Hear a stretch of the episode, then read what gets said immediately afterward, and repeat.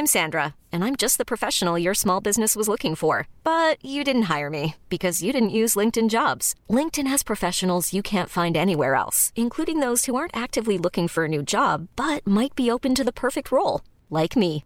In a given month, over 70% of LinkedIn users don't visit other leading job sites. So if you're not looking on LinkedIn, you'll miss out on great candidates like Sandra. Start hiring professionals like a professional. Post your free job on linkedin.com/achieve today.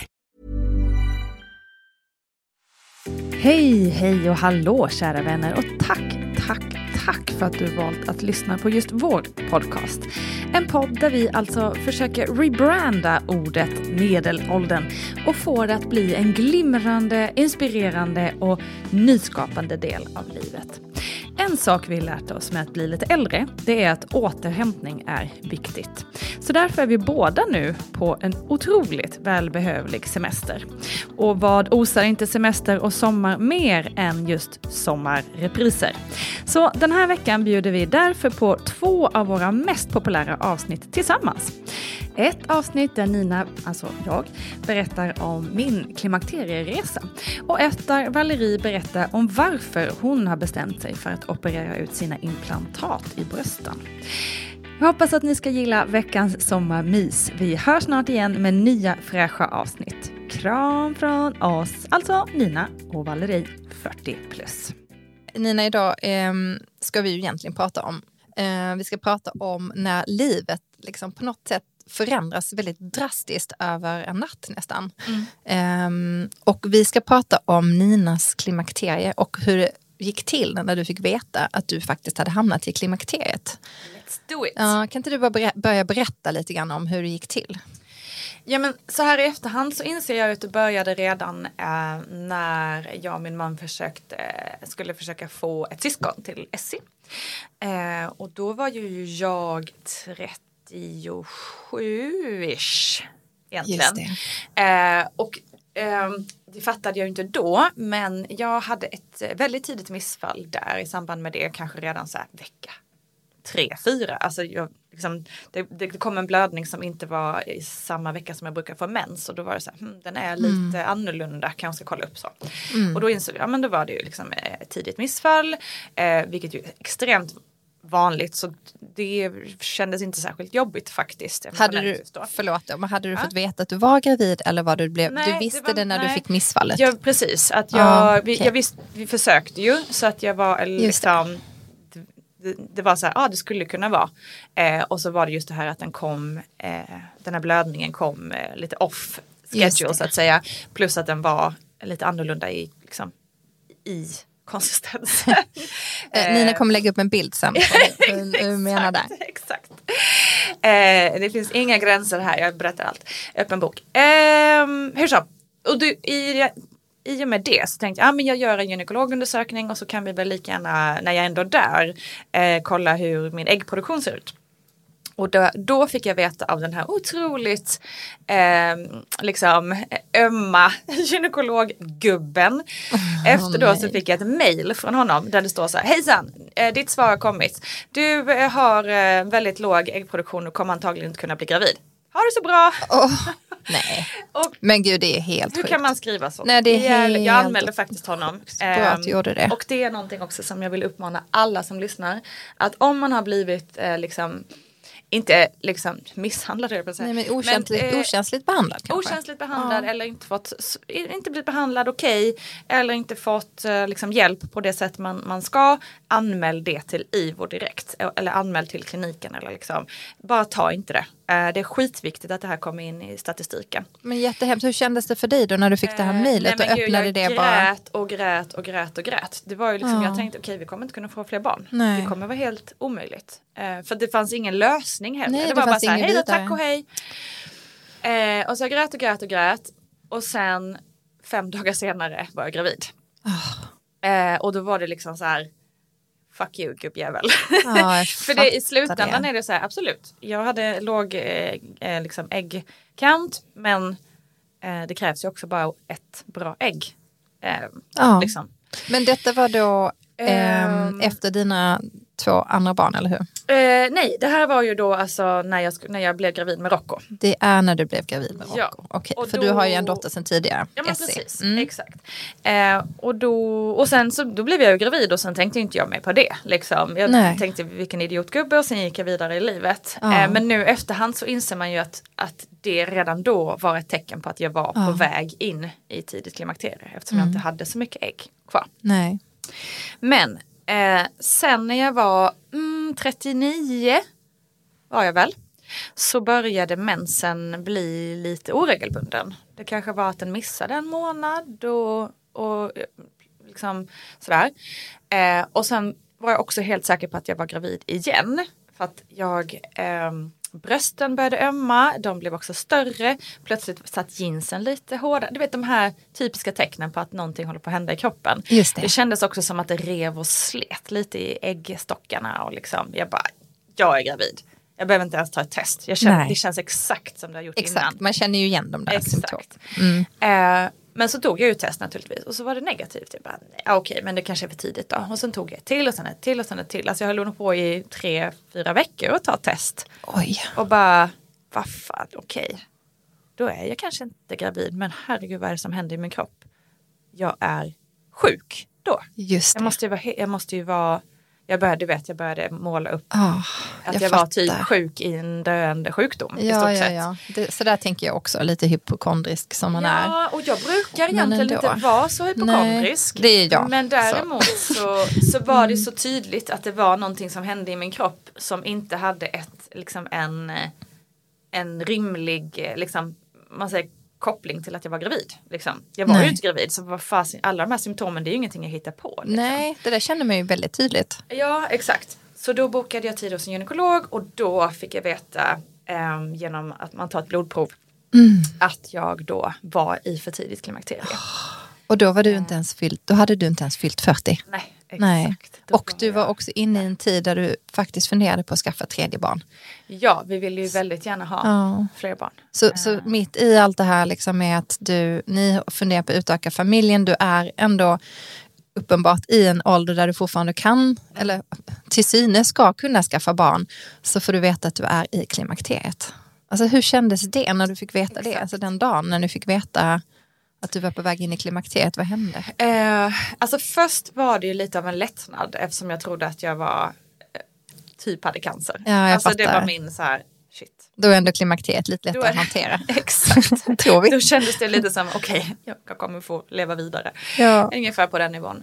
Sen eh, blev det ju liksom, ja men lite så här, du vet de här olika stegen av sorg. Ja. Eh, med att man först blir arg, eh, denial, vad nu allt de här är. Jag Mm. kommer inte ihåg exakt vilken ordning det är. Eh, men först var det ju lite så här, uh, okej, vad är det här? Hur funkar det? Fattar ingenting. Nej. Och sen bara, nej, gud, det kan inte stämma.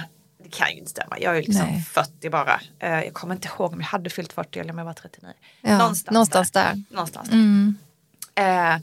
Det måste ju vara något, nej, kan inte stämma. Eh, och sen arg, Mm. det här liksom, vad fan, varför händer det alltid med kvinnor? Vi ska gå igenom jävla skit, först ska vi ha mens, sen ska vi föda barn, sen ska vi, du vet så här. Allting händer oss, jävla män! Tell me about it. liksom den. Och Ja. sen jättemycket sorg i det att vi då antagligen inte skulle kunna få fler barn. Nej. Och grejen var att hon, gynekologen sa väl också så här att vill ni ha fler barn då behöver ni säga det nu för då måste vi sätta igång en IVF-process liksom. Och då var vi lite så här ja vi vill verkligen ha fler barn men nej jag vill inte börja mixtra med mer hormoner eh, IVF-process. Jag, I min podd Vattnet går också har jag också intervjuat många kvinnor som har gått igenom IVF-process. Och det är ju inte bara någonting som man bara, ja det gör vi då. Liksom. Eh, det är ju en jättetuff utmaning. Eh, och där kände jag med respekt för alla som har gått igenom det. Eh, att och vi har två barn. Vi har liksom en fantastisk familj. Eh, då kände jag bara, nej men jag ska nog bara inse att jag eh, ska vara tacksam för det jag har.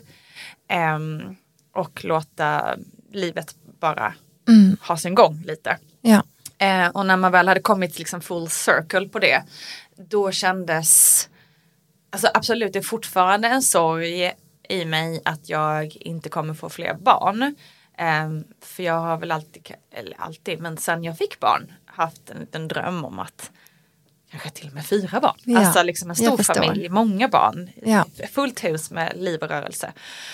Uh, och den sorgen kommer jag väl bära, bära med mig någonstans liksom hela livet. Som så många andra naturligtvis. Mm. Men herregud, jag har två barn, jag har två friska barn. Vi har ja. liksom en fantastisk familj nu och ja. liksom precis kommit ur småbarnsåren och börjar inse att det är ganska härligt med två lite större barn. Och, så det, det beslutet, det var ju inget beslut jag fick ta själv och det kanske var lite det också, att det inte var ett beslut jag kunde ta själv. Nej. Det bara blev så. Um, alltså det, som sagt, det, det är fortfarande en liten sorg men jag är så otroligt tacksam för det vi har. Ja, men jag förstår det och det är helt rätt att du tänker så. Det känns som att du har verkligen bearbetat detta också. Men nu, nu hade ni ändå fått det här liksom, beskedet om att du har gått in i klimakteriet och du har gått igenom alla de här faserna. Så blev ju du gravid igen mm. ändå. Mm. Alltså helt mirakulöst på samma sätt som förut. Kan du inte berätta lite grann om det? Ja men det var ju helt sjukt. För det skulle ju inte kunna hända i stort sett. Alltså det, det, jag hade ju mens kanske vid den här tidpunkten hade jag mens kanske var fjärde, alltså den kom verkligen så här, någon gång var tredje månad. Sen var den borta i ett halvår och sen kom det en blödning igen. Så det var ju verkligen så här, ingen cykel att tala Nej. om men det fanns ju ändå någon ett ägg här och där. Liksom. Ni bara låg varje dag? Låg, varje dag, ifall ifall. Eller bara en gång i halvåret. Eller, och, jag vet inte vilket. vilket är bäst? Jag tror på det där varje dag. nej. Uh, nej men så var jag gravid. Och det var ju helt sjukt. Um, det måste ha blivit, alltså tänk så här, då har du ändå gått igenom alla de här faserna. Exakt, det var ju också så chockartat för att jag, jag var hos gynekologen för att jag um, en gång tidigare hade jag uh, fått uh, på en annan gynekologundersökning uh, upptäckt att jag hade uh, cystor på en av väggledarna. Eh, så här godartade syster vilket ju är ganska vanligt men ordet sista är ju så otroligt eh, laddat. Det är det. Och sen så hade jag då börjat känna lite samma känsla eh, i äggledarna. Eh, och tänkte shit jag måste genast till gynekologen för att kolla liksom. Jag blir så jävla stressad över det. Eh, och då så skulle vi ha en, ett, ett ultraljud där igen då eller hur de nu gör undersökning. Ja det är väl ett ultraljud de gör. Eh, och så tittade hon och bara hmm, ehm, Vet du, har du tagit något gravidtest? På sistone? Jag bara, nej. liksom. nej. hon bara, nej, okej, okay, för jag ser ett foster här. Jag bara, oh. what? Du bara, I'm Virgin Maria, how can this happen? Exakt. Alltså så sjukt. Jag var ju där för att kolla om jag hade liksom syster och så bara, nej du har ett foster.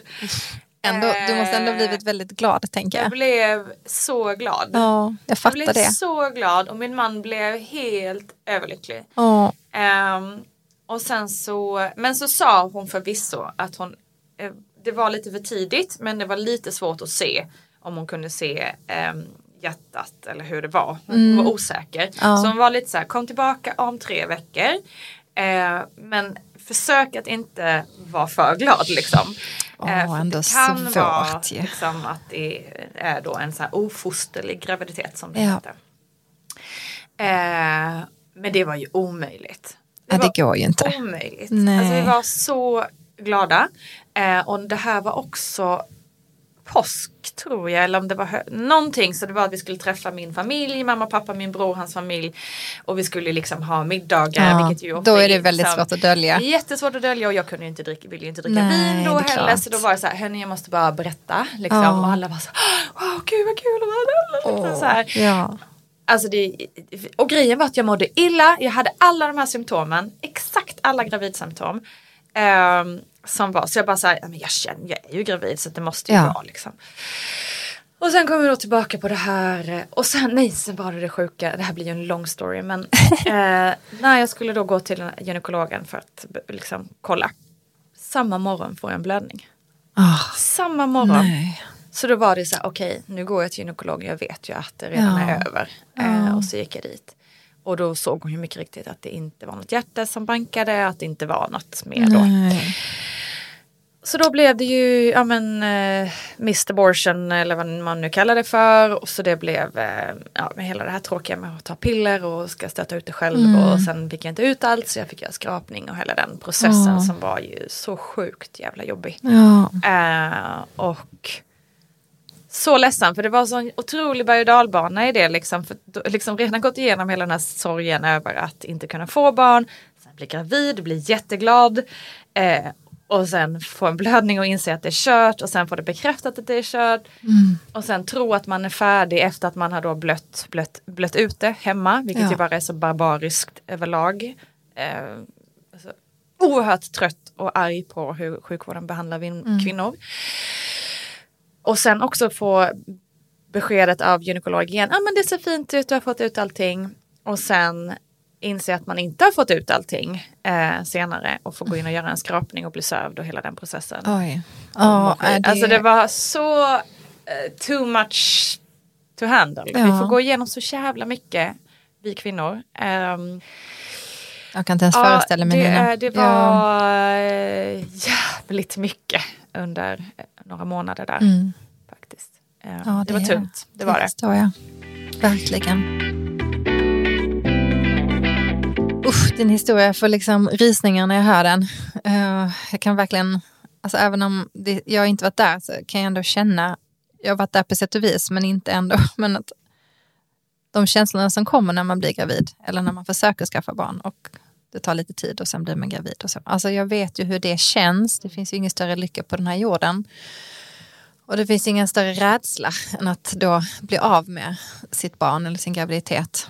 Så jag känner med dig verkligen fruktansvärda upplevelser. Och sen också den här i bakhuvudet klimakteriestressen. Mm, um, och vi vet att det kanske inte går igen. Eller Nej men liksom. precis, och vi mm. hade ju verkligen, så, eller jag hade i mitt huvud, så även fast man visste att så här, ta nu inte ut något i förskott, så var man ju ändå så här, ah, mm, vad ska vi göra nu med bilen? Nej men det går ju inte, Åh, Gud, det är helt omöjligt. Och vad kul det ska bli och, och ja. liksom berätta det här, ja. liksom, här på Instagram, typ mot alla odds. Ja. Du vet, våra, våra liksom mirakelbebis. Ja, faktiskt. Du vet, man, man såg ju, allt det där framför sig. Exakt, man har önskat det. Ja, mm. ja sjukt. Men nu har det gått lite tid och mm. när du ser tillbaks på liksom själva händelsen, nu har du ändå berättat ganska mycket, men vad är du idag liksom emotionellt kring detta? Nej men det är väl precis som med den andra sorgen att det kommer nog eh, kännas eh, liksom det är väl mer drömmen man, man är ledsen för att man inte ja. fick liksom uppleva. Och sen med den här liksom ständiga ilskan som jag bär på kring mm. samhället, liksom det patriarkala samhället som bara inte finns där för oss kvinnor Nej. när vi behöver det.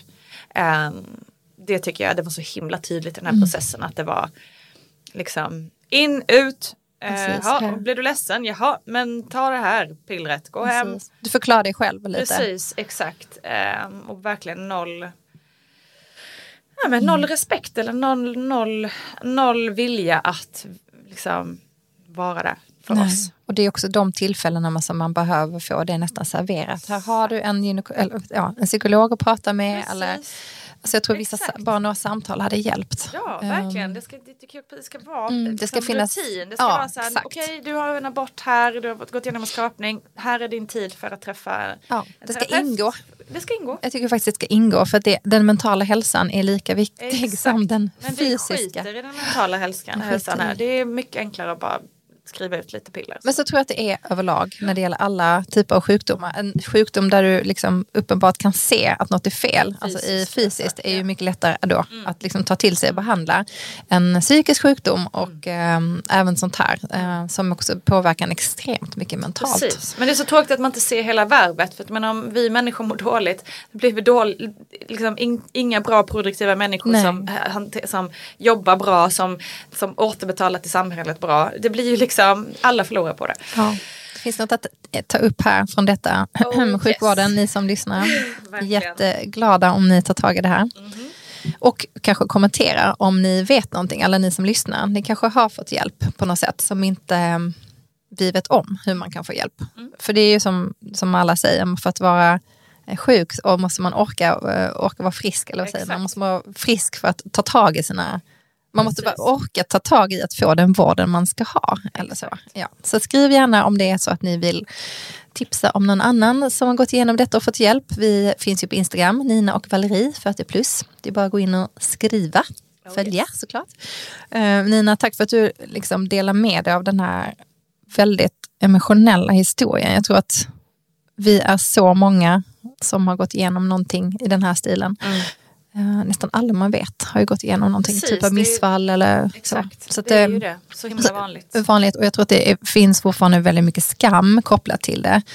Um, eller kanske inte skam, men det är just det här att det är så otroligt personligt och um, det finns så mycket känslor i mycket glädje, så mycket sorg och allt det här. Ja, men vi har ju fått lära oss att vi ska trycka bort, att vi inte ska berätta, att vi ska hålla det för oss själva och att vi ska liksom um, inte liksom lyfta upp våra, våra framförallt saker som rör the downstairs area. Det, ska ju, det har ju varit så framförallt, liksom, ja. nu är det bättre med de yngre generationerna men mens sånt, det skulle vi inte vi prata om. Vi skulle smussla med våra tamponger och mensskydd och det skulle liksom sådär. Um, så vi har ju fått lära oss det. Att vi ja. inte ska prata om Nej. när vi blöder eller när, vi, liksom, när det är något jobbigt där nere. Just det. Um, och då blir det ju skamfullt. Ja, ofta. verkligen. Och då hänger det ihop med ja. hela den här delen. Så är man en dålig kvinna för att man inte kan behålla barn. Alltså det är så mycket som är sån bullshit. Det är bra att du brinner för det här Nina och hjälper till att ändra på det. Tror du också att det finns samma skam över klimakteriet? Absolut. Absolut. Är det liksom, anses det liksom du är ju så osäker. En klimakteriekossa. Ja, exakt bara där. Ja, men det är ju det. det. Så har det ju varit tidigare. Uh, det är bara kärringar som svettas och äckliga och, uh, och, och nej det ska vi inte heller prata om. Och, fy vad äckligt. Vi är äckliga när vi blöder och vi är äckliga när vi inte blöder. Ungefär så. Ja, jag fattar.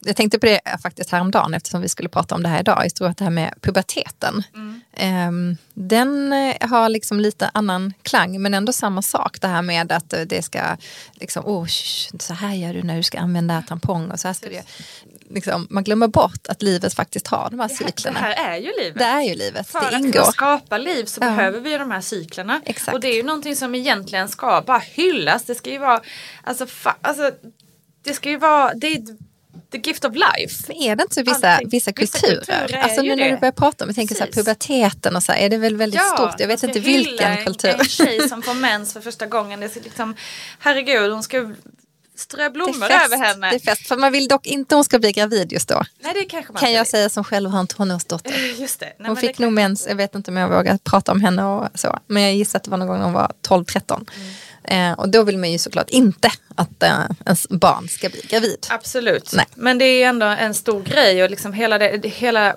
Hela, vi måste liksom förändra sättet hur vi ser på kvinnans cykel. Den måste få vara, den måste få vara med oss, den måste få vara vår kompis. Eh, och det är lite det som, som jag brinner lite nu då för klimakteriet. Att det liksom tidigare har varit någonting som är så här nu är livet slut, nu, liksom, eh, nu blir du gammal och nucka och liksom du vet sådär. Men så har ju lite narrativet varit ja, innan liksom. Och, och på sitcom sådär så har det varit någon äldre tant som svettas och, och så skrattar man åt henne och så. Men vad fan liksom i Japan till exempel så eh, finns det ett ord för klimakteriet och det går att översätta med den nya våren. Wow! Är inte det vackert? Snyggt! Eller hur? Jag För det, och det är lite det. det jag känner nu när jag liksom då kommit ur eh, det som har varit jobbigast. Ja. Som vi kommer in på sen.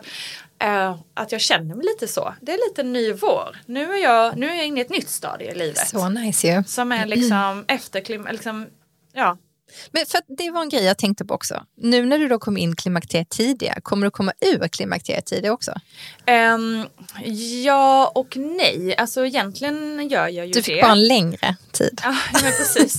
nej men det gör jag ju egentligen. Men ja. i och med att um, sjukvården helst, alltså när man kommer in i tidigt klimakterie så som jag har gjort, det är ju ganska ovanligt ändå, eh, även om det absolut händer eh, många, eh, att kroppen ska ju egentligen bli av med sitt så här östrogen och allt det här efter 50. Um, 50-55 där någonstans. Liksom det är mer eh, in, normalt inom situationstecken. Eh, och då är kroppen med på det. Då är det liksom så här, ah, men nu ska ju det ut. Så Just det. det är fine, liksom. vi behöver inga mediciner eller så utan Så, om man har jättes, jättesvåra symptom så kan man absolut ta medicin för att dämpa dem och så. Men rent liksom naturligt så ska ju det här ut ur kroppen. Men när du är 40 som jag var Ehm, då är ju inte det en naturlig process utan då ses det lite så, inte som en sjukdom kanske, men som någonting som behöver, man behöver hjälp med det. Kroppen behöver hjälp med det. Ehm, dels för att, att komma i tidigt klimakteriet kan också orsaka att man kanske får problem med andra saker lite längre fram. Ehm, och därför så går jag nu på behandling, alltså östrogenbehandling. Ah. Och det gör du äter nu, tabletter? Precis. Ja. Och det gör att jag nu då har en cykel igen. Just det.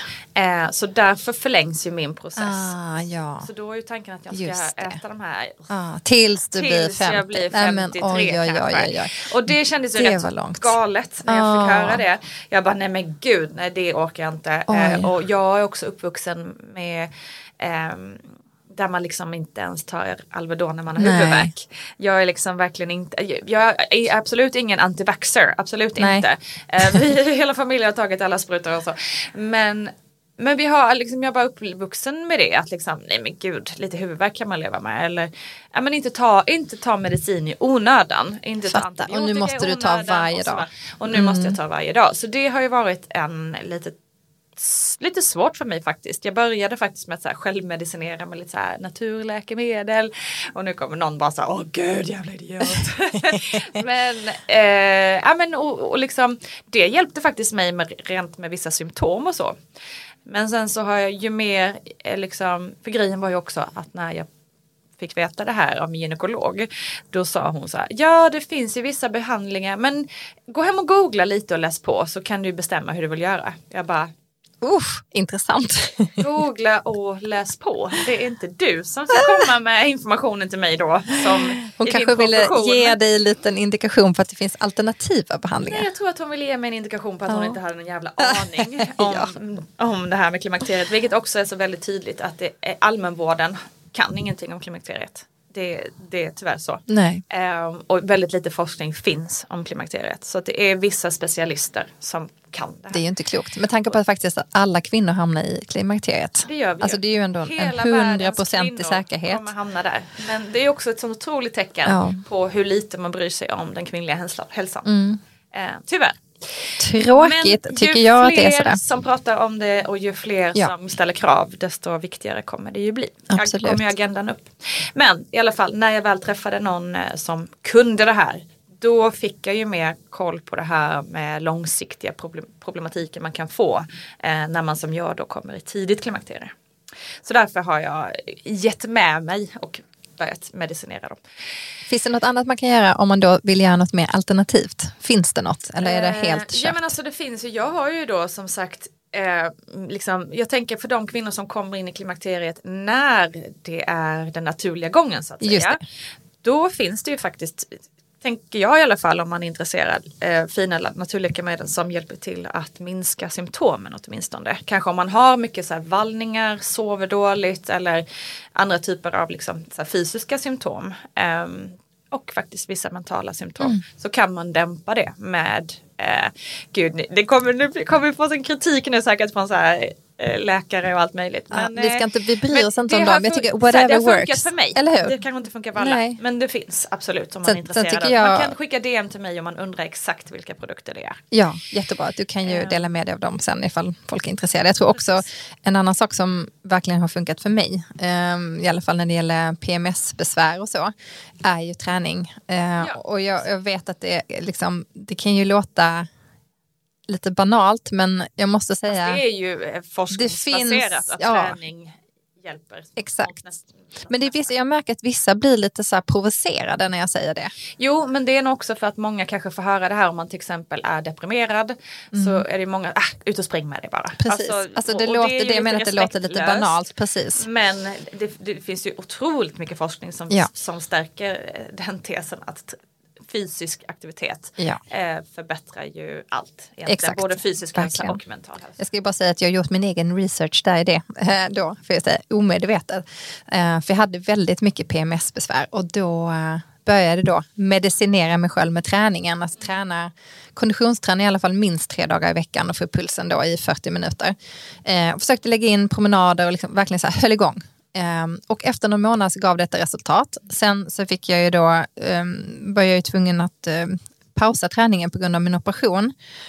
Åh oh, jäklar, som brev på posten kommer de här PMS-besvären tillbaka. Så. Nej, det är Oj. så vidrigt. Så nu har jag börjat liksom springa igen. För att det är det enda som hjälper. Och om man då tänker som dig, om man kanske inte vill ta den här medicinen, för jag fick också medicin utskriven till mig om jag ville liksom så här, någon dag jag kände mig väldigt nedstämd eller liksom kände att PMSen var för jobbig, så skulle jag ta den här tabletten.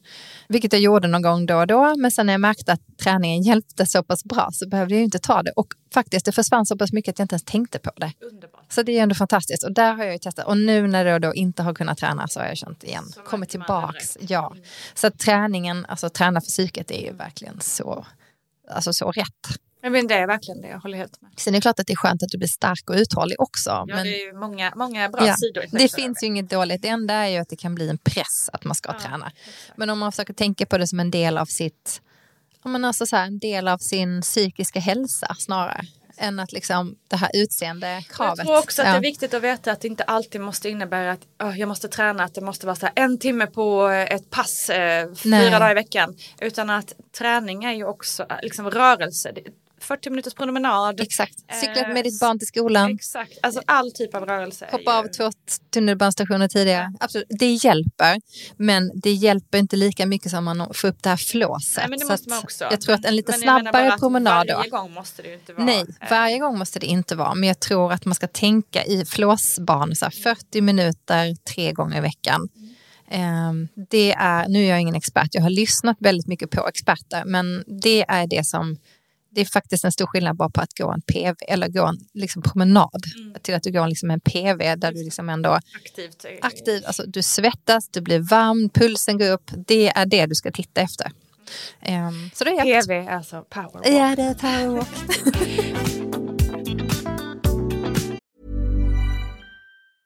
a lot can happen in the next three years. Like a chatbot may be your new best friend. But what won't change? Needing health insurance. United Healthcare Tri Term Medical Plans are available for these changing times. Underwritten by Golden Rule Insurance Company, they offer budget friendly, flexible coverage for people who are in between jobs or missed open enrollment. The plans last nearly three years in some states, with access to a nationwide network of doctors and hospitals. So, for whatever tomorrow brings, United Healthcare Tri Term Medical Plans may be for you. Learn more at uh1.com. Hiring for your small business? If you're not looking for professionals on LinkedIn, you're looking in the wrong place. That's like looking for your car keys in a fish tank. LinkedIn helps you hire professionals you can't find anywhere else, even those who aren't actively searching for a new job but might be open to the perfect role. In a given month, over 70% of LinkedIn users don't even visit other leading job sites. So start looking in the right place. With LinkedIn, you can hire professionals like a professional. Post your free job on linkedin.com slash achieve today.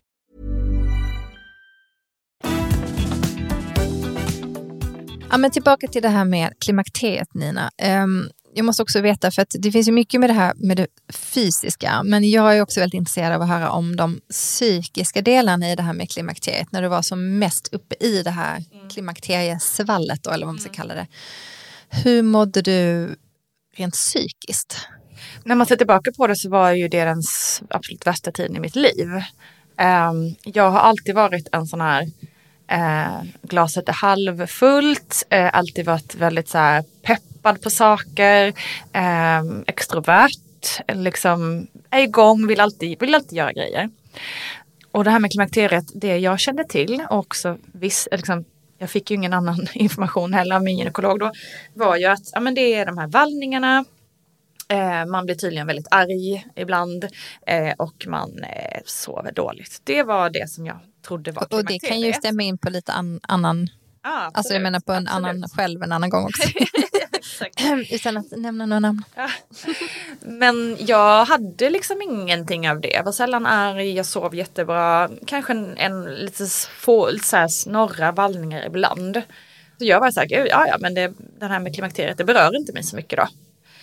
Men sen började jag må så, alltså jag kan inte säga att jag mådde dåligt men allting blev tråkigt. Allting var en gråzon. Allting var så här. Um, min ett tidigt exempel var när jag skulle fylla 41. Vi var i Italien Alltså världens mest fantastiska ställe, solen sken, min man ordnade först så att vi skulle gick på en hike han och jag, jag sa, obeskrivligt vackert landskap. Eh, vi tog liksom en så här vinlunch. Sen Gud, eh, fixade han en överraskningsfest till mig med alla kompisarna som bor i Italien. Så jag blev så här, alltså det var en fantastisk dag. Men allt, allt jag kände var så här, ja vad kul. Typ Tråkigt så. Nina. Så kände jag och så var livet. I som en beige film. Som en beige film. Det var inte så att jag var deprimerad till, till det, det stadiet att jag inte ville gå ur sängen eller liksom så. Men det var ingenting som var kul, jag kände inget pirr. Eh, jag såg inte fram emot något särskilt. Eh, jag var otroligt stresspåverkad. Eh, minsta lilla grej, jag blev väldigt stressad. Mitt minne blev otroligt dåligt. Det var liksom på den nivån att jag satt liksom på datorn och skrev och så skulle, öppnade jag en flik. Och bara, vad var det jag skulle göra på den här fliken? Alltså, så, jag, alltså jag, fattar, jag hör vad du säger. Det där är ju jättekonstigt från ingenstans. Bara... Och då min instinkt på, svar på det var så här, bara, gud jag kanske är på väg att gå in i väggen. För symptomen är ganska lika. Ja. Stress, liksom, dålig stresstålighet, dåligt minne. Um, inte tyckte att något var kul. Nej. Det är liksom så ganska tydligt. Antingen det, så antingen gå in i väggen eller att jag var deprimerad. Mm. Och det gick faktiskt så långt att min man sa, men Nina jag undrar om inte du är deprimerad. Mm. Och då reagerade jag så här, fan vad vet du? Du arg. Dum i huvudet. jag är självklart inte deprimerad. Hur kan du tro något sånt? Nej men, men det, vill man ju inte nej, men det vill man tänka. Inte inse. Nej. Eh, och man vill framförallt inte att någon annan ska liksom, komma in och nej. bestämma hur jag mår. uh, och jag har också så här, nej gud jag är ingen deprimerad person. Jag är alltid liksom, glaset halvfullt. Liksom, det är ju min bild av mig själv. Liksom. Ja. Eh, så det var ju lite irriterande. Men det sådde ändå ett frö så att jag bokade till slut tid hos terapeut. Och började jobba med min, min stressproblematik och fick jättebra redskap med att eh, hantera stressen och sänka tempot och börja tacksamhetsträna. Och det hjälpte jättemycket till, till en viss grad. Eh, det blev mycket bättre, stressen blev bättre, jag mådde lite bättre. Men det var återigen inte förrän jag träffade den här experten på klimakteriet. Men som hon började rada upp symptomen. Så det var det ju först de här vallningar, dålig sömn och sen bara depression, eh, min, eh, dåligt minne. Hon skrev upp det på en tavla. Så här. Hon gjorde det tidigt för dig. Rysningar. Jag bara satt där och bara började gapa. Jag bara vad fan är det hon, vad är det hon säger? Det liksom var som att hon talade bara till mig liksom. Jag bara Uh. Och liksom dagen efter så bokade, eller samma eftermiddag så bokade jag tid på den här kliniken. Eh, och bara allt det här som hon skrev. Allt det, där det är ju fantastiskt. Det måste, vara, måste ha varit en väldigt skön känsla att få ja, att bli, för att bli sedd i det, det här. Det verkligen. Samtidigt som jag också blir så jävla förbannad. Det har ju gått liksom ett och ett halvt, två år. Ja, det är mått, lång tid. Mått jättedåligt. Liksom.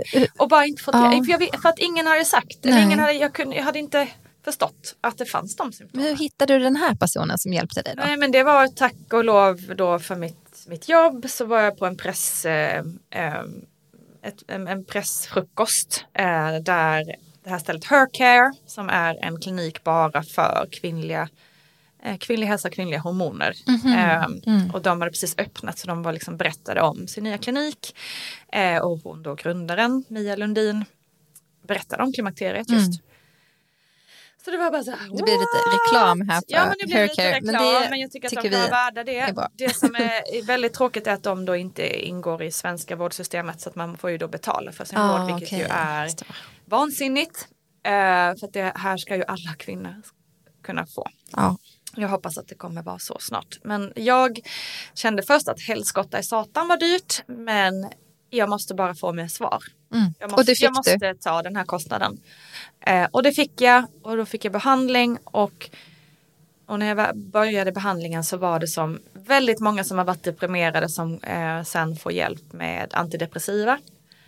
Att det var som att lyfta på rullgardinen. Nej men det måste ju varit det en sån bara så här, upplevelse färger. Det oh. finns färger i livet. Jag blev pirrig för jag skulle göra något kul. Jag skulle på tjejmiddag. Det var så pirrigt. Jag bara Åh! Satt oh. på tunnelbanan och bara oh. kände, det där. Kände livsglädje och bara shit. Vad är, vad är det jag har varit med om de senaste två, tre åren? Det är helt hemskt. Eh, ja, det är jättesorgligt att man liksom förlor, lite förlorade Alltså återigen, jag var ju inte så pass nere att det var bara hemskt, hemskt, hemskt. Men när man ser tillbaka, när man märker skillnaden, hur jag kunde ha, ha mått. Liksom, hur jag kunde vara mig själv. Alltså, nu, ja. nu blev jag mig själv igen. Ja. Det känns ju sorgligt. Att man liksom... Men nu har du lärt dig någonting av det. Så får man väl tänka. Ja, och jag känner så starkt för att eh, liksom, dels dela det här och, och Liksom, så alla ni som lyssnar och känner, skicka gärna DM om ni har frågor och, och vi kan prata mer om det här också på Nina Valerie på Instagram. Eh, för jag tycker att det är så viktigt att vi pratar om det här. Jätteviktigt. Och jag vill inte att någon kvinna mer ska behöva gå runt Nej. och må skit utan att få hjälp. Så viktigt att du delar det här med alla oss idag Nina. Tack så jättemycket för din historia. Jag har liksom känt mig helt gripen under tiden jag suttit, suttit här och lyssnat på dig och um, jag tycker att det är fantastiskt. Och om man då ska ta, liksom, vad, om du ska säga något gott som kom ur det här, vad skulle det vara då? Alltså visst, det, det, finns väl ingenting som, önsk, som jag önskar att åh vad glad jag är att jag kom i klimakteriet tidigt. Det finns det kanske inte. Men jag känner i alla fall nu någon form av purpose i det hela att liksom lyfta den här frågan som jag känner att ingen faktiskt har lyft tidigare. Det finns en podd som heter Klimakteriepodden som jag gärna tipsar om. Eh, Åsa Melin som driver den och hon har ju eh, verkligen drivit den här frågan. Eh, så jag ska inte säga att ingen någonsin har lyft innan, men det har ju varit en så pass gömd fråga. Ja, och det kanske är fint att det kommer från flera olika håll Precis. och du med ditt eh, sociala nätverk kan dela det bland dina följare och så vidare och väcka liksom, tankarna mm. hos andra och att kunna sprida det här och framförallt också det du pratar om, liksom, att få kvinnors, alltså göra kvinnors hälsa ännu viktigare. Ja men precis, få upp det på agendan. Ja. Och jag tror också liksom, nu är ju klimakteriet en sån typisk grej precis som graviditet. Att innan man är där så går man ju inte omkring och tänker på det så Nej, himla mycket. Och man förbereder sig inte för det kanske. Men det kan ändå vara bra att så här bara, just, jag tänker just de här mentala symptomen eh, tror jag är så viktigt att man bara har koll på att aha, det kanske kan vara någonting med min hormonella hälsa som gör att jag mår lite dåligt. Liksom så. Um, det tror jag bara kan vara nice att ha i bakhuvudet. Liksom. Så viktigt.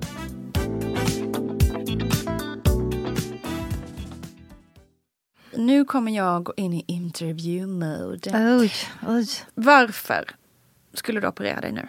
Jo, det är så här ju att eh, jag eh, har, hade, hade, för egentligen säga, ett par implantat från märket Allegran som var skrovliga. Och mm. det var en um, viss koppling mellan dem till en väldigt okänd cancerform, men dock. Um, läkarna har sagt till mig att jag absolut inte ska oroa mig för att det är en av sju kvinnor som får bröstcancer medan en på 40 000 kan utveckla den här formen. Mm, så väldigt ovanligt. Men jag har cancer, bröstcancer i min familj och en väldigt nära person i min familj som inte vill prata om det har nyligen haft bröstcancer. Mm. Så att jag hade den eh, sorten och ville därmed ta ut dem. Vi ska inte gå in på det här med, eftersom inte hon vill prata om det. Men hur har den upplevelsen förändrat dig? Väldigt mycket. Alltså väldigt mycket kring just det här med vår kroppsuppfattning till exempel. Som också var en av anledningarna till varför jag ville ta ut mina implantat. Jag har haft dem länge, det är inte jag. Ehm, den eh, upplevelsen av att liksom se en person nära sig själv, eh, eller det var faktiskt inte bara en, det var två personer, eh, drabbas av cancer har gjort mig väldigt Alltså gett mig ett helt nytt perspektiv på det här med liksom hälsa och kropp. Och, på vilket sätt? Um, ja, det, det, är väl, okay, det har kommit successivt under många år. Liksom, men jag tror att jag tänkte mig nog inte för riktigt på mm. samma sätt. Alltså jag hade inte, även om jag förstod att liksom, visst, det kanske inte är jättebra att ha implantat för 15 år sedan så, så, så var jag inte alls orolig som jag är idag. När du står där och ska göra mammografi och man är inkallad för att det finns en ökad risk bara genom att du är liksom mm. över 40. Mm. Så börjar man ju såklart ifrågasätta sina val. Mm. Att göra implantat. Eller jag gjorde det. Så att jag ville helt enkelt, jag visste att jag skulle ta ut dem men jag visste inte när. Okay. Och jag visste inte när jag skulle våga. Eh, och jag fick bara en, liksom, när jag var på semester fick jag bara en känsla att bara, nu ska jag göra det. Mm. Och det var direkt när jag kom hem till mig bokade. Så det har gått väldigt snabbt faktiskt. Från att jag har typ helt bestämt mig mm. till att nu gör jag det. Om vi backar bandet då till när du satte in dem från första början. Ja. Vad var dina, liksom, hur gick tankegångarna då? Var, varför? Liksom? Jo, man kan väl säga här. Jag var nyskild med en liten tvååring. Mm.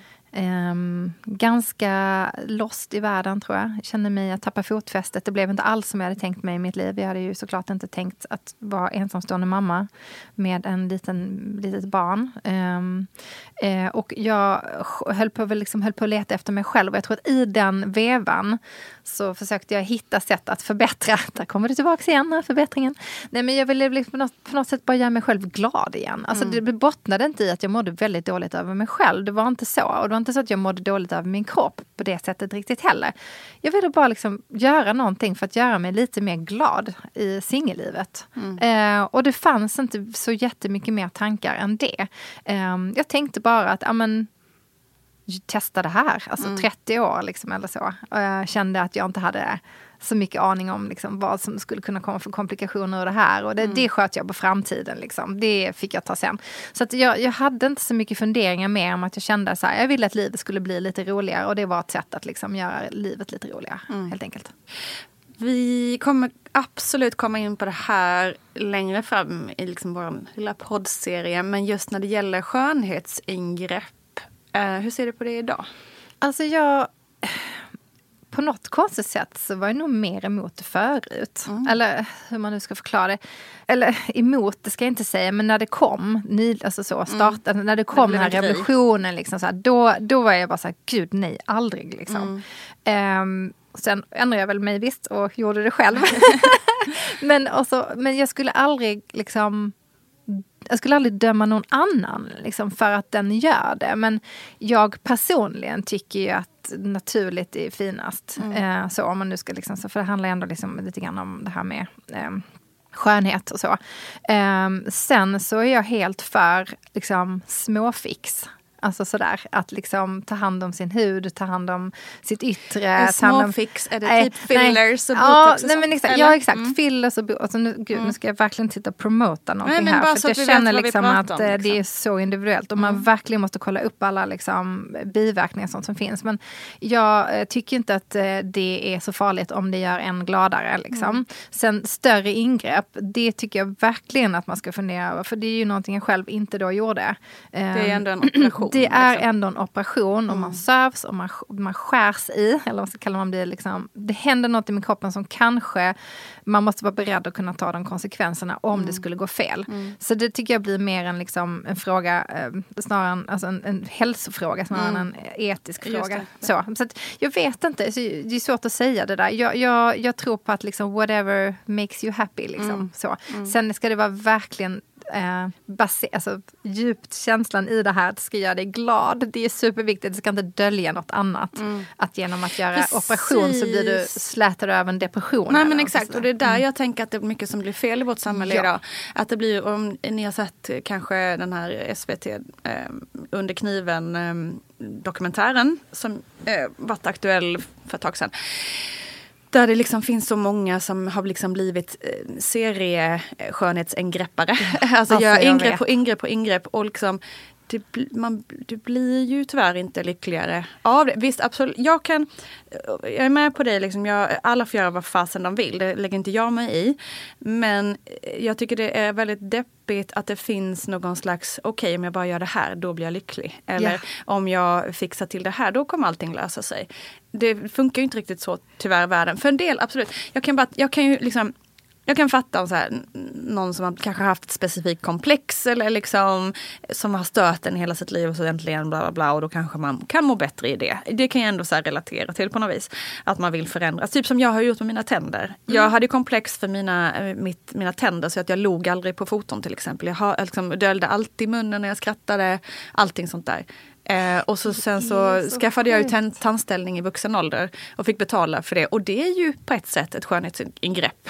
Eh, exakt, var går gränsen? Det är lite det så. Är och, det bara för att du gör botox? Nej men exakt, liksom, vad är, är skillnaden? Mer, nej, men där, alltså, ja. jag, jag tror att det ligger, jag tror i grund och botten så handlar det om att vi ändå någonstans vill känna oss liksom fina. Ja, och alltså, så, så, är det ju. Och, och, det är fel att fuska Är det det? Mm. Ja men precis, det är en väldigt svår balansgång kring vad som är, är liksom, Och snygga människor får i alla fall absolut inte fuska. De får ännu mindre fuska. Så att jag, tror, jag tror det ligger så otroligt mycket med alltså det här med typ eh, jantelagen, avundsjuka. Mm. För jag tror att, alltså, I USA och Italien, alltså där bryr sig nog inte någon. Jag menar mm. du är ju mycket i Italien Nina. Mm. Hur, hur ser man på skönhet liksom, och kvinnors skönhet där? Är inte det liksom bara the more the merrier? Jo. Kör loss om du är kvinna, gör vad du vill. Eller? Absolut. Eh, är man, så, är man dömande där? Eh, ja men det tror jag nog att man kan vara. Det finns ju olika ideal också. Det är ju det som är så svårt för att vi har ett ideal här. Eh, eller i västvärlden har vi väl ett specifikt ideal. Eh, men det är väl det som jag också som det blir så himla komplext. Att, att vi ska uppnå de här idealen som inte är det är inte lätt att uppnå kvinnoidealen så att säga. Eh, och då ska vi liksom lägga oss under kniven för att göra det. För min del blir det liksom å ena sidan kvinnoförtryck Ja. Eh, å andra sidan, ja så har jag haft anställning. Liksom, och nu är jag mycket lyckligare för att jag vågar skratta och bara äga mitt eget ja, leende. Men så är det ju verkligen. Eh, jag skulle ju önska att jag hade sån självkänsla att jag sket i hur mitt leende ser ut. Men det gör jag ju inte. Mm. Så att jag är ju inte heller, liksom, här kan jag stå på mina höga hästar och säga att skönhetsingrepp är kvinnoförtryck samtidigt som jag själv har liksom ändrat mina tänder för att jag ska vara mer nöjd med mitt utseende. Mm. Så att det är väldigt dubbelbottnat. Men apropå Italien så, så finns ju där en extremt hård press, liksom framförallt kvinnor i offentligheten ska ju gärna vara bystiga och opererade och superglammiga och det, det, det, annars blir Just ju det. inte de. Liksom. Samtidigt så är det ju mer ett, ett ideal där man också liksom, där där kanske inte den trådsmala kvinnan är idealet på samma sätt. Så här får man gärna ha former och så. Um, så att, uh, det, blir, alltså det är väldigt ja. svårt alltså, jag, jag, håller med. Men alltså, jag bara satt och tänkte på en sak som du sa nu, alltså det här med självkänslan då. Mm. För det är ju någonting som alla brottas med antar lite grann, mer eller mindre. Alltså är det fel att koppla ihop käns självkänslan med sitt yttre? Alltså kan, får man inte lov att känna så här, men idag känner jag mig ändå liksom, idag känner jag mig ändå lite snygg. Är det liksom fel? Eller måste man um, alltså man ser snygg ut säger vi då. Är det fel att, att också väga in det i sig själv och sitt mående? Jag tänker nog Att vara nöjd att, med sitt yttre? Exakt, att jag tror att vara nöjd med sig själv. Det är mm. väl bara något fantastiskt. Men jag tror att det blir det problematiska blir när man hänger upp det på vad andra tycker om ens utseende. Exakt, och förväntningarna alltså, som finns där. Om jag tycker att jag är fantastiskt snygg det är, ja, fan, det är väl jättebra. Exakt, och det är då, då gjorde ju du den där botoxen säger vi. Nu mm. blev det har jag aldrig gjort.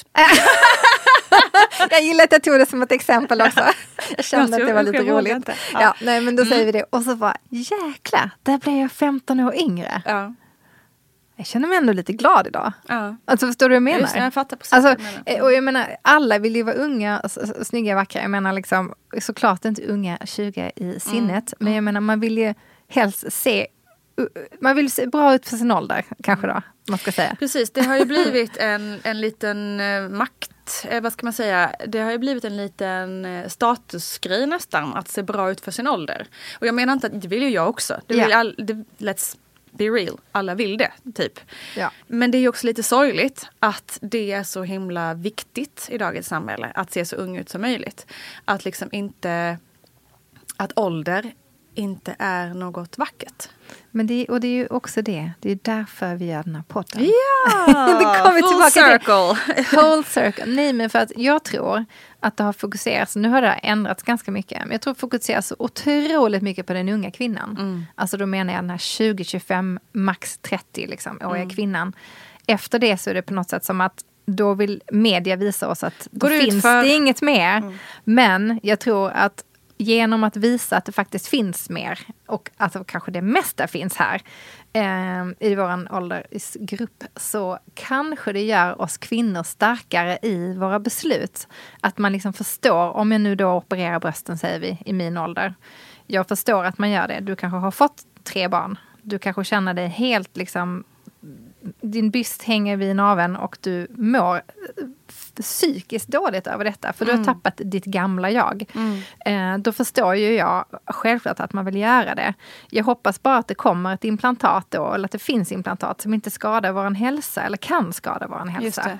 Eh, och att om man nu gör det och man blir lycklig av det, vilket jag verkligen tror att man kan bli faktiskt, och få ett bättre sexliv och liksom hela alltet liksom för en själv. Eh, att, liksom, att det inte ska bli på bekostnad av vår hälsa, för det gör ju inte dig lyckligare ändå heller.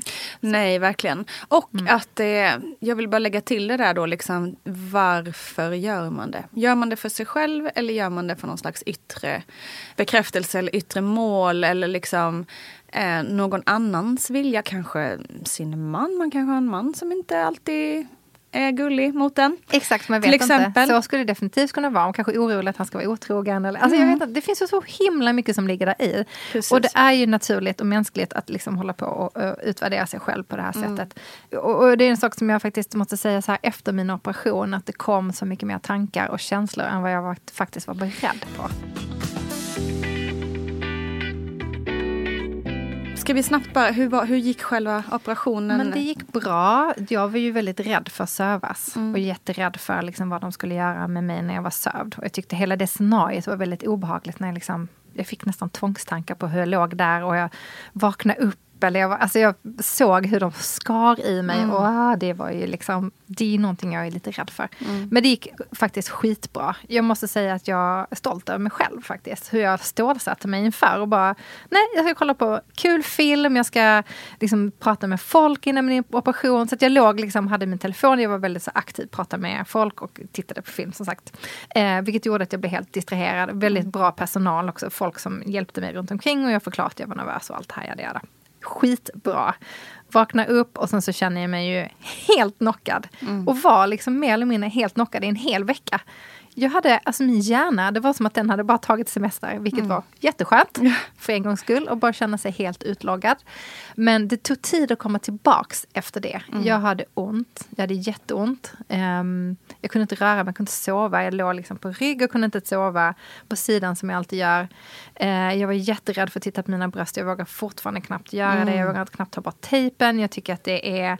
Jag är jätterädd för resultatet. Jag ser mm. bara massa ärr just nu och jag är jätterädd hur det ska, hur det ska se ut sen. Att eh, jag ska må dåligt över mina ärr mm. som faktiskt är mitt på brösten nu. Mm. Um, och det, jag är jätterädd för det fortfarande. Mm. Och det gjorde ju då att jag gick för någonting som kanske då um, om man bara tittade på mig uh, och såg mina bröst och såg min kropp, säger vi då, så, så ser man ett par fina bröst då, eller vad man ska kalla det. Mm. Mm. nu ser jag bara R. Liksom. Just det. Och det är en jobbig känsla för mig att liksom acceptera mitt mm. nya jag. Mm. Liksom. Så. Ingen annan förutom min man och de jag väljer att visa det för kommer ju se mina bröst. Men jag vet ju själv hur jag ser ut. Men det var ju det här jag menade lite ja. med att liksom, varför gör man den? Är det för Exakt. din skull? Eh, hur mår du i ja. din kropp? Det Exakt. är det viktigaste. Så det här har ju inte jag gjort för någon annans skull. Nej.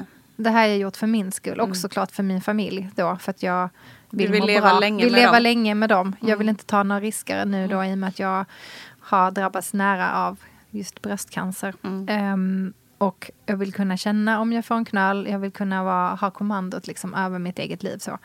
Um, men ärren skrämmer mig jättemycket nu. Mm. Jag tycker att det är läskigt och ta och när jag byter tejp. För då måste man ju dra av mm. tejpen från mm. ärren. Mm. Eller där de har sytt. Och det känns... Det är väldigt jobbigt faktiskt. Mm. Det är jättejobbigt. Men jag... Och jag drar mig för... Jag, jag, oh, idag ska jag byta tejp. jag skulle egentligen gjort det igår. Men jag gör det idag. Mm. Jag tycker det är jobbigt. Mm. Vi får se. Jag kanske vänjer mig, det kanske bleknar. Men eh, just nu är det tufft faktiskt. Mm. Ont och sen också då ett nytt jag. Och jag, jag har ju inte um, några nya implantat in i, i mina bröst. Så det är faktiskt flera som har frågat det. Uh, så. Och det är också det att de har då en ny form och sådär. Mm. Men, men det ser okej ut ändå, tycker jag. Jag är nöjd att de är små. Det känns bra, det är jag. Men det är ärren som är jobbiga. Jag fattar. Faktiskt. Mm. Du har ju valt att, eh, vi pratade ju också om det tidigare, att du inte alltid visar så mycket privat på din Insta och sådär. Du har ju valt att Exakt. göra det den här gången. Varför det? Ja, också som jag sa till dig, tror jag, precis här i början när vi liksom gjorde första avsnittet, är att jag själv önskar att fler kunde säga sanningen. Mm. Och om jag vill att andra ska säga sanningen så måste jag ju säga sanningen själv. Mm. Uh, och jag tror att genom att våga vara sig själv och berätta vad som försiggår i sitt eget liv um, kan motivera och spara andra att kanske tänka efter mm. Um, hur de mår och ta tag i sina problem, vad det än kanske är. Uh, och jag tror att jag också så här, jag vill avdramatisera det lite grann. Mm. Det är så många tjejer som har skrivit till mig. Ni är så många.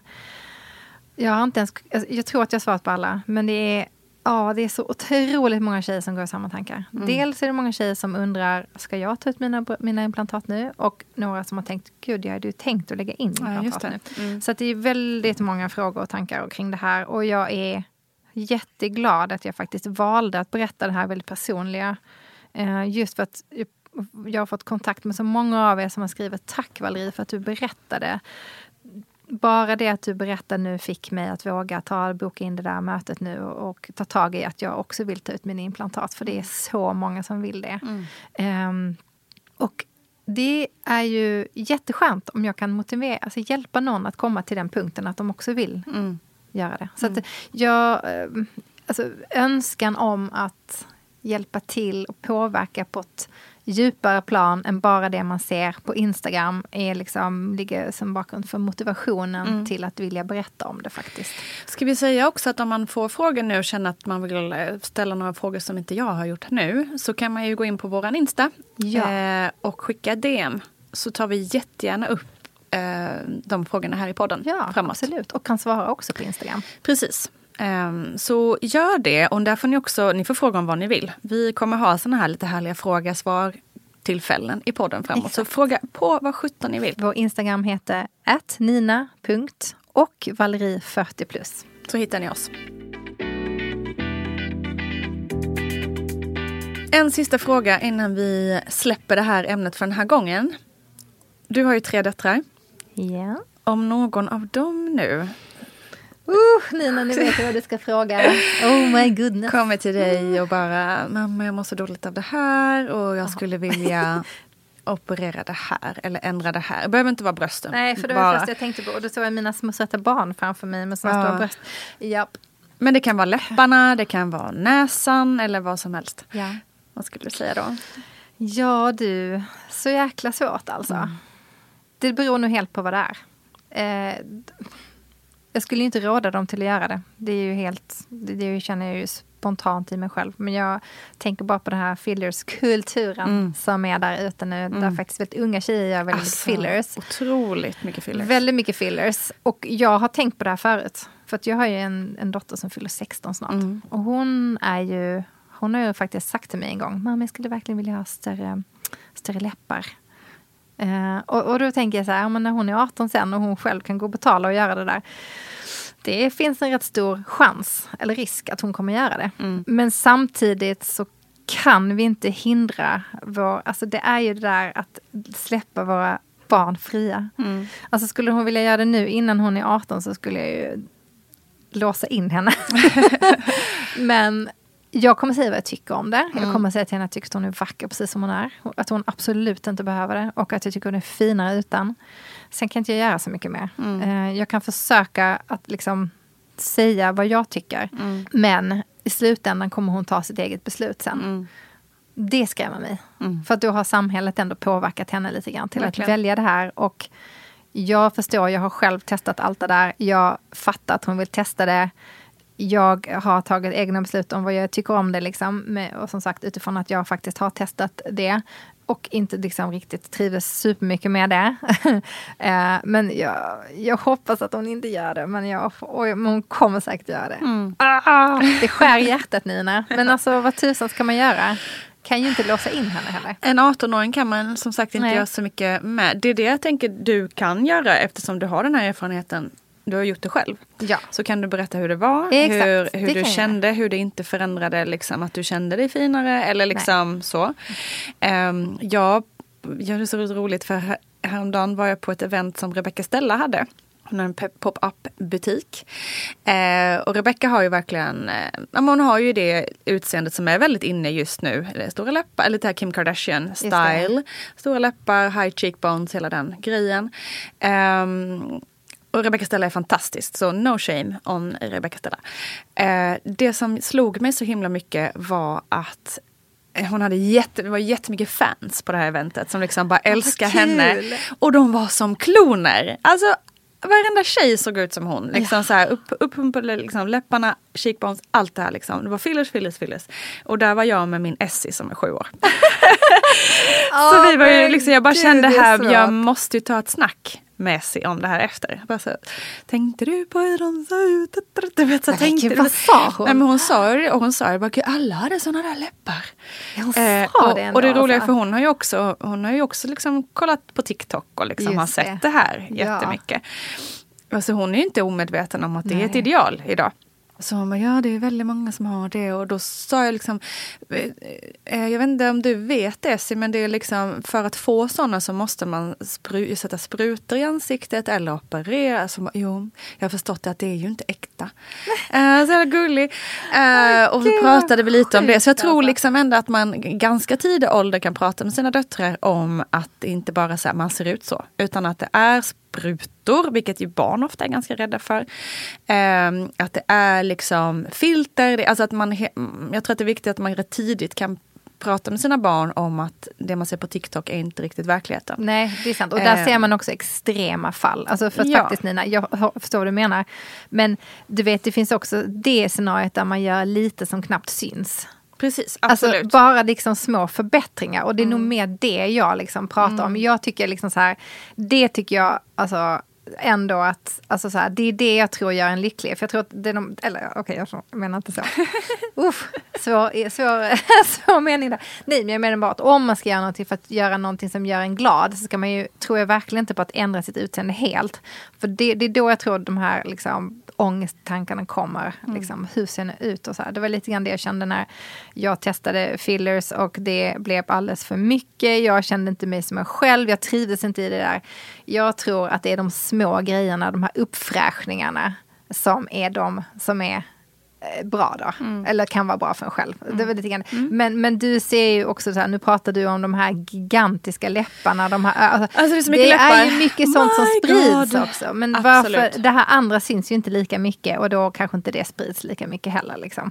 Att, Nej men det är också, mm, nu kommer jag in på lite så här, eh, apropå det här med fusket. Ja, att liksom, fusket. Är det fuskare? Ja, men ni, nej men ni då, ni, ni där borta. som fuskar så att det inte syns. Fuskar så det inte syns. Ja, det utan ni bara ser naturligt vackra ut. Exakt. Då blir det så här, oh shit, I will never, liksom, jag ska aldrig komma upp i den nivån. Liksom. Och en 50-åring som bara, oh no wrinkles, men det ser naturligt ut. Man bara, oh, dröm då är det ju nästan så att man så här, de som liksom pumpar upp så att man bara, ja men du är ju opererad. Exakt, Se, då är det ju nästan som att, ja men då, då, jag behöver inte tävla med dig. Då kan man avfärda det. Exakt. Ja, det sant, så det är, det är nästan så att du fuskar mm. mera. du har inte fuskat så jättemycket men ja, jag fuskar lite absolut och jag är liksom lite för det faktiskt. Ja. Eh, är ändå det. Jag tycker att eh, jag, jag, kan inte se det dåliga i det där lilla fusket. Om det gör att du blir lite gladare. Och glöm nu inte att följa oss på vår Instagram, nina.ochvaleri40+. Bara söka på Nina och Valerie så kommer det upp. Precis, och hörni, vi skulle bli så otroligt glada om ni tipsade era vänner om den här podden, om ni kanske rytade den på Apple Podcast och på andra härliga ställen. Helt enkelt, ge oss lite kärlek. Vi ja, vill ju att så många som möjligt ska hitta den här podden. ja, tipsa, tipsa, tipsa. Exakt. Tack för idag! Tack Valerie. Tack Nina. Ha det bäst. Hej då.